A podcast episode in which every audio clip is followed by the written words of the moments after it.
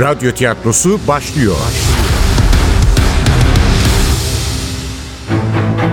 Kayıp Tanrılar Ülkesi 8. Bölüm.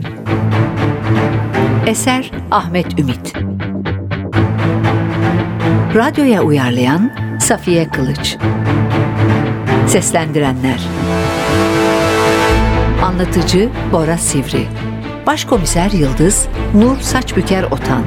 Tobias Murat Aydın Alex Tarkan Koç Klaus Nüvit Candaner Efektör Cengiz Saral Ses Teknisyeni Murat Çolak Yönetmen Aziz Acar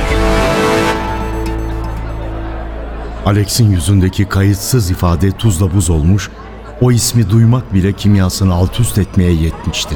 Yine mi şikayet etti beni? Bıktım bu heriften ya. O kadar gergin görünüyordu ki Alex'in bir taşkınlık yapmasından çekinen Tobias bir adım öne çıkarak Yıldız'la aralarına girdi. Sakin olun. Sadece konuşmak istiyoruz. Gecenin bu saatinde sizi merkeze götürmek niyetinde değiliz. Tabii bu size kalmış. Bizimle fuayedeki bara kadar gelirseniz biraz sohbet ederiz. Sonra da yolunuza gidersiniz. Hepsi bu. Konuşmalarına kulak misafiri olan orkestranın kısa boylu solisti de endişelenmişti. Ne oluyor Alex? Bir sorun mu var? Yok yok Klaus bir şey yok. Sadece birlikte bir şeyler içmek istiyor arkadaşlar. Demek ki başının polisle belada olduğunu duyulmasını istemiyor diye geçirdi içinden Yıldız. Böyle endişeli olması iyiydi. Dar koridoru gösterdi. Hadi gidelim o zaman. Fuayenin duvarları mitolojik hikayelerden esinlenilmiş resimlerle kaplıydı. Kırmızı, siyah renklerin hakim olduğu, çizgi roman üslubuyla çizilmiş sert resimler. Yarı gövdelerine kadar toprağa gömülmüş titanlar, devler, tanrılar. Zeus'un ayaklarının dibinde derin bir uçurum olarak tasvir edilmiş alaca karanlık Tartaros. Zeus'un resminin bulunduğu duvara bitişik duran masayı seçti Yıldız. Gelin şöyle oturalım. Sakıncası yoksa bir şeyler içebilir miyim? Ne sakıncası olacak? Hatta biz ısmarlayalım size. Malum görev başında içemiyoruz. Yoksa heba olacak bu jetonlar. Tobias iri gövdesini sürükleyerek bara yönelirken Yıldız duvardaki baş tanrıya bakarak kendi kendine mırıldandı. Babalarını öldürmeyen çocuklar büyüyemezler. Zeus babasını öldürmedi ki. Tartaros'a gönderdi. Yıldız dirseklerini masaya koydu. Aralarındaki soğukluğu kırmak istiyor gibiydi. Mitolojiyi biliyorsunuz. Bilirim ama benimki amatörce. Asıl Cemal meraklıdır. Onu dinleseniz arkeolog zannedersiniz. Aile geleneğiymiş. Onunla da burada tanışmıştık. Çalıştığı şirketin düzenlediği bir kokteylde.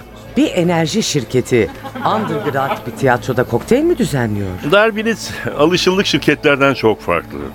Yenilebilir enerji işindeler. Duymuşsunuzdur rüzgar, güneş, dalga. Çalışma saatleri özgür. İnsanlar ofise gelmek zorunda değiller. Cemal de çoğunlukla evden çalışıyor zaten. Patronları çok ilginç bir herif. Doğu Berlin'de. Duvar yıkıldıktan sonra zengin olanlardan. Fakat şu sonradan görmelerden değil. Kültürlü biri. Çalışanlarla arası çok iyi. Hatta fazla iyi. O yüzden de işleri bozuldu ya. Yok, açıkça neşesi kaçmıştı bateristin. Adı ne bu sıra dışı patronun? Peter. Peter Schimmer. Pilar'ın sözlerini hatırladı. Cemo'yu kıskanıyordu Alex demişti. Bateristin yumuşak karnını fark etmişti Yıldız. Anladığım kadarıyla Cemal'le de araları iyiymiş. Bana niye soruyorsunuz ki? Cemal'e sorsaydınız ya. Evet artık sadede gelirim. Bakın Cemal size ne söyledi bilmiyorum ama dokunmadım bile ona. Yani daha önce şiddet uyguladığınızı kabul ediyorsunuz. Bilmiyor musunuz sanki? Dosyalarda var hepsi. Okumuşsunuzdur. Yalnız karşılıklı oluyordu o iş. O da bana şiddet uyguluyordu. Afiyet olsun. İki tane aldım. Fazla gelmez Teşekkür herhalde. ederim. İki gün önce kavga ettik. Şikayet için niye iki gün beklemiş ki? Neden kavga etmiştiniz? Niye Cemal'i dövüyordunuz? Dövmek mi? Onu anlatıyordum. Kimin kimi dövdüğü tartışılır. Cemal'in eli de armut toplamıyordu. Adam benden genç sonuçta. İkimiz de birbirimize vuruyorduk. Kim daha ayıksa o daha çok vuruyordu.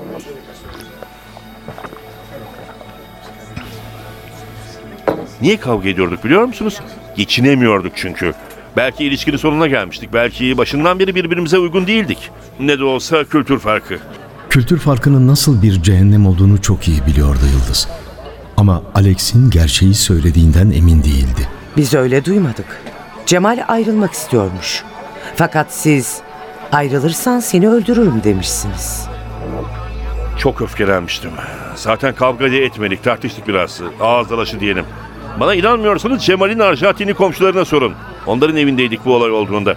Cemal yalan söylüyor. Şu sıralar kafası çok karışık, paranoya yapıyor. Tamam mı arada kavga ediyoruz ama ona asla zarar vermem. O zaman kim öldürdü Cemal'i? Kim göğsünü yarıp kalbini çıkarttı? Ne? Ne ne diyorsunuz be? Evet Bay Werner. Cemal ölmez. Bu akşam New Köln'deki evinde acımasızca öldürüldü. Bateristin erken kırışmış yüzündeki acı yerini gerginliğe bıraktı. Ne? Ne öldürmesi? Benim suçluyorsunuz yani. Tabii ilk akla biz geliriz değil mi? Heavy metalci baterist kötülük tohumları, şeytanın çocukları, sevgilisini kalbini yiyen canavarlar. Sakin olun. Sizi suçlasaydık şu anda merkezde olurdunuz. Cemal'in katilini bulmaya çalışıyoruz. Sizinle başladık çünkü ilk zanlı sizsiniz. Eğer suçlu değilseniz bildiklerinizi bizimle paylaşın. Yardım ederseniz daha kolay buluruz katili. Tamam elbette yardım ederim ama şunu aklınıza sokun. Ben katil değilim. Cemal'i ben öldürmedim. Buraya kaçta geldiniz? Her zamanki gibi saat 22.30 civarında. Yani 3 aşağı 5 yukarı o saatlerde. Oyun 23.30'da başlıyor. E, Bir ilk bir sahne alıyoruz ardından oyuncular çıkıyor. Kaçta öldürülmüş Cemal? Yaşadığı şoktan çabucak kurtulup cinayet üzerine sorular sormaya başlaması Yıldız'ın gözünden kaçmamıştı. Evden mi geldiniz buraya? Başka bir yere uğradınız mı? Eve uğrayacak vaktim yoktu söyledim ya. Dün Köln'de konser vardı. Bu akşam trenle döndüm Berlin'e. Yemek yedim orada burada vakit geçirdim. Tren biletiniz yanınızda mı? Yok attım üzerimde ıvır zıvır taşımayı sevmem. Nerede yemek yediniz peki? İstasyondaki büfelerden birinde. Pek iştahım yoktur zaten. Niye soruyorsunuz bunları? Bakın benim hayatım böyle. Nerede iş bulursam orada çalışıyorum. Ekmek parasını böyle çıkarıyorum. Az önce söyledim. Buradan da tren istasyonuna gideceğim. Eve uğramadan. Yarın akşam Dresden'de konser var. Niye üzerime geliyorsunuz anlamıyorum. Bakın yanlış adamı sorguluyorsunuz. Cemal'i ben öldürmedim. Onu severdim. İnsan sevdiğini öldürür mü? Öldürür. Hatta öldürülenlerin çoğu sevdiklerinin eliyle can verir. Üstelik siz bunu yapabileceğinizi de söylemişsiniz. Hakkınızda şahitlik yapacak iki kişi var. O Pilar denen kadın hiç haz etmez benden ama ben öldürmedim Cemal'i. İnanın ben yapmadım. Kim yaptı o zaman? Bilmiyorum nereden bileyim. Böyle söylemesine rağmen gözleri kıpır kıpırdı. Aynı anda aklından birçok ihtimal geçiyor olmalıydı. Hüseyin. Evet abi Hüseyin yapmıştır. Nefret ediyordu Cemal'den. Ailesinin hepsi nefret ediyordu ondan. Fakat Hüseyin en acımasızları sabıkası falan da var. Kıyıcı bir herif yani. İlişkiniz yüzünden mi nefret ediyordu Hüseyin kardeşinden? Bana özel bir durum değil. Eskiden beri görüşmüyorlardı. Oğullarının eşcinsel olmasını kaldıramıyorlardı. Kanlı bıçaklılardı. Hatta bir keresinde Cemal'i pencereden atacaklarmış. Yani bütün aile Cemal'e karşı abisine yardım mı etmiş? Ailesi dışlamıştı Cemal'i. Sadece Orhan dedesi seviyordu onu. Zaten bir tek onunla görüşüyordu. Bir de annesiyle telefonda. Ne babasının ne de abisinin bu görüşmelerden haberi vardı. Şu talihsizliğe bakın ki geçen yıl dedesi Alzheimer oldu. Artık onunla da görüşemiyorlardı. Evet evet bu işi o Hüseyin iti yapmıştır. İki ay önce Orhan dedeyi görmek için hastaneye gittiğinde de tartışmışlardı Cemal'le. Ziyaretini engellemek istemişti. Cemal takmadı bile. Gitti dedesini gördü. Önemli bir ihtimalden söz ediyordu baterist. Aradıkları katil bu nefret dolu ağabey olabilirdi. Fakat cinayet vakalarında asla tek ihtimale bağlı kalınmazdı. Tamam, bu konuyu araştıracağız. Peki başka düşmanı, geçinemediği birileri var mıydı Cemal'in? Yok hiçbir düşmanı yoktu. Sadece son zamanlarda biraz tuhaftı. Benden bir şeyler saklıyor gibiydi. Ee, Söyleyeceklerimi aleyhime kullanmayın ama başka biri var gibiydi. Aramızdaki gerginlik de o yüzdendi zaten. Başka bir erkek arkadaş mı? Olabilir. Evet öyle sanıyorum. Kim dersiniz söyleyemem çünkü bilmiyorum. Cemal ayrılmaya hazırlanır gibiydi. Pilarların evindeki kavga da bu yüzden çıkmıştı. Her aşk bir gün biter demişti Cemal. Buna hazırlıklı olmalıymışız. Söylediği doğruydu elbette ama ben sarhoştum. Çok sarhoştum. Bir de böyle arkamdan hiç çevirmesi çok ağrıma gidiyordu. Koptum işte. Ama öfkenize hakim oldunuz. Onu öldürmediniz. Hayır öldürmedim. Duvardaki Zeus hakkında ne biliyorsunuz? Duvardaki mi? Yok yok. Bu resimden bahsetmiyorum. Cemal'in evindeki diyorum. Zeus'un tahtta oturduğu resim. Evet Zeus heykelinin resmi. Cemal yapmıştı. Siz mi istediniz Zeus'un resmini yapmasını? Hayır ben istemedim. Görmediniz mi? Öteki odalarda da Zeus ve tanrıların isimleri var. Dedim ya ailece mitolojiye meraklı bunlar. Ben de heavy metale meraklıyım ama evimin duvarlarını müzisyenlerin resimleriyle süslemiyorum. Orası öyle ben de asmıyorum ama Cemal resme meraklıydı. Amatörüm diyordu ama bence iyiydi gayet iyiydi. Müze var ya bizim Spear Nehri'nin oradaki Pergamon Müzesi. İşte orada kabartmalar varmış. Gitmedim bile. Cemal anlattı. Hikayesi müthiş diyordu. Modern bir üslupla onların resmini yeniden yapmak istiyordu. Böylece kendini gösterecekti. Evet bunu yapmak istiyordu işte. Ama benim bunlarla bir alakam yok. Ne mitolojiden anlarım ne de resimden. Cemal'i de ben öldürmedim. O anlattığınız canilerden değilim ben. Tamam kavga ederdik arada ama sonra barışırdık. Neden öldüreyim sevdiğim insanı?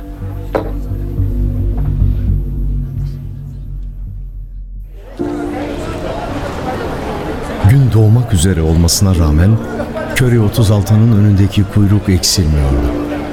Sanki bu gece Berlin'in bütün akşamcıları bu dükkanın önünde toplanmıştı.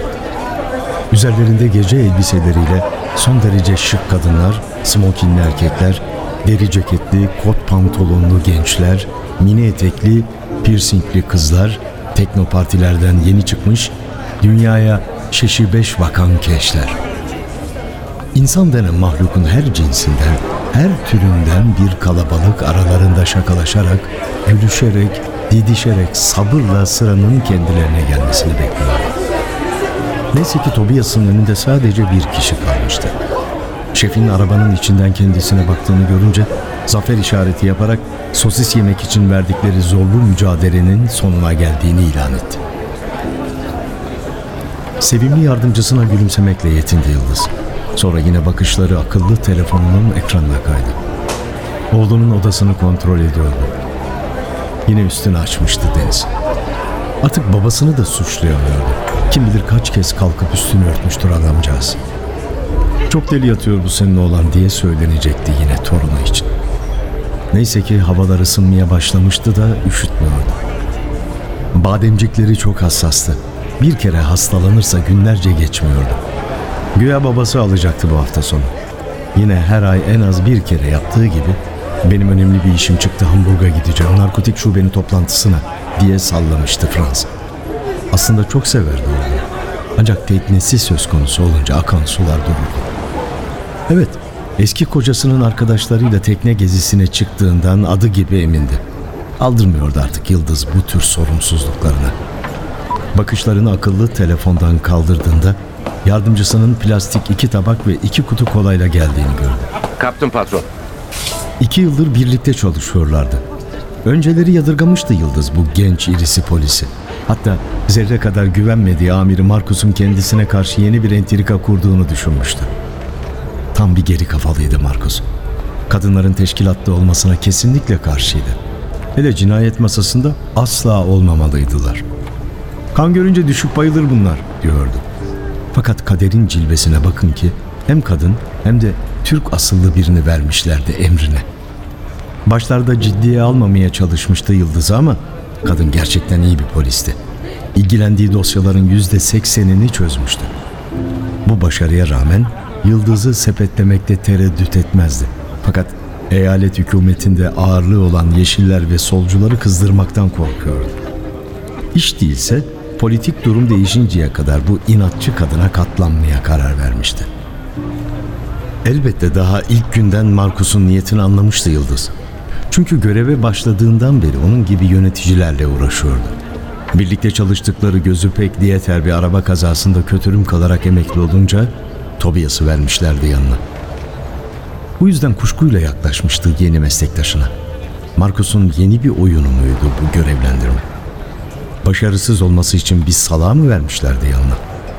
Arnavut asıllı bir seks işçisinin öldürülmesi vakasını çözerken anlamıştı yanıldığını.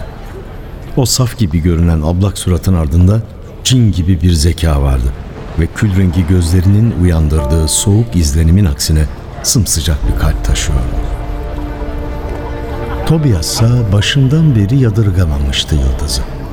Demokratik Almanya'dan gelenlerin birçoğu yabancılara sıcak bakmamasına rağmen hemencecik kaynaşmıştı bu sert başkomiserle.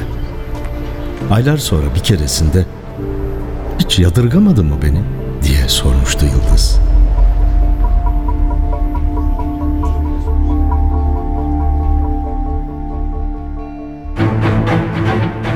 Kayıp Tanrılar Ülkesi Eser Ahmet Ümit Radyoya uyarlayan Safiye Kılıç. Seslendirenler. Anlatıcı Bora Sivri. Başkomiser Yıldız Nur Saçbüker Otan. Tobias Murat Aydın. Alex Tarkan Koç. Klaus Nüvit Candaner. Efektör Cengiz Saral. Ses Teknisyeni Murat Çolak. Yönetmen Aziz Acar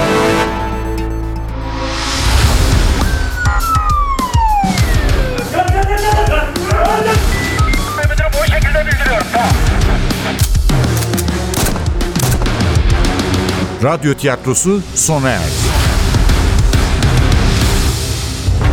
Radyo tiyatrosu her cumartesi 11.30'da NTV Radyo'da. Kaçıranlar ve tekrar dinlemek isteyenler içinse ntvradio.com.tr'deki podcast sayfamızda.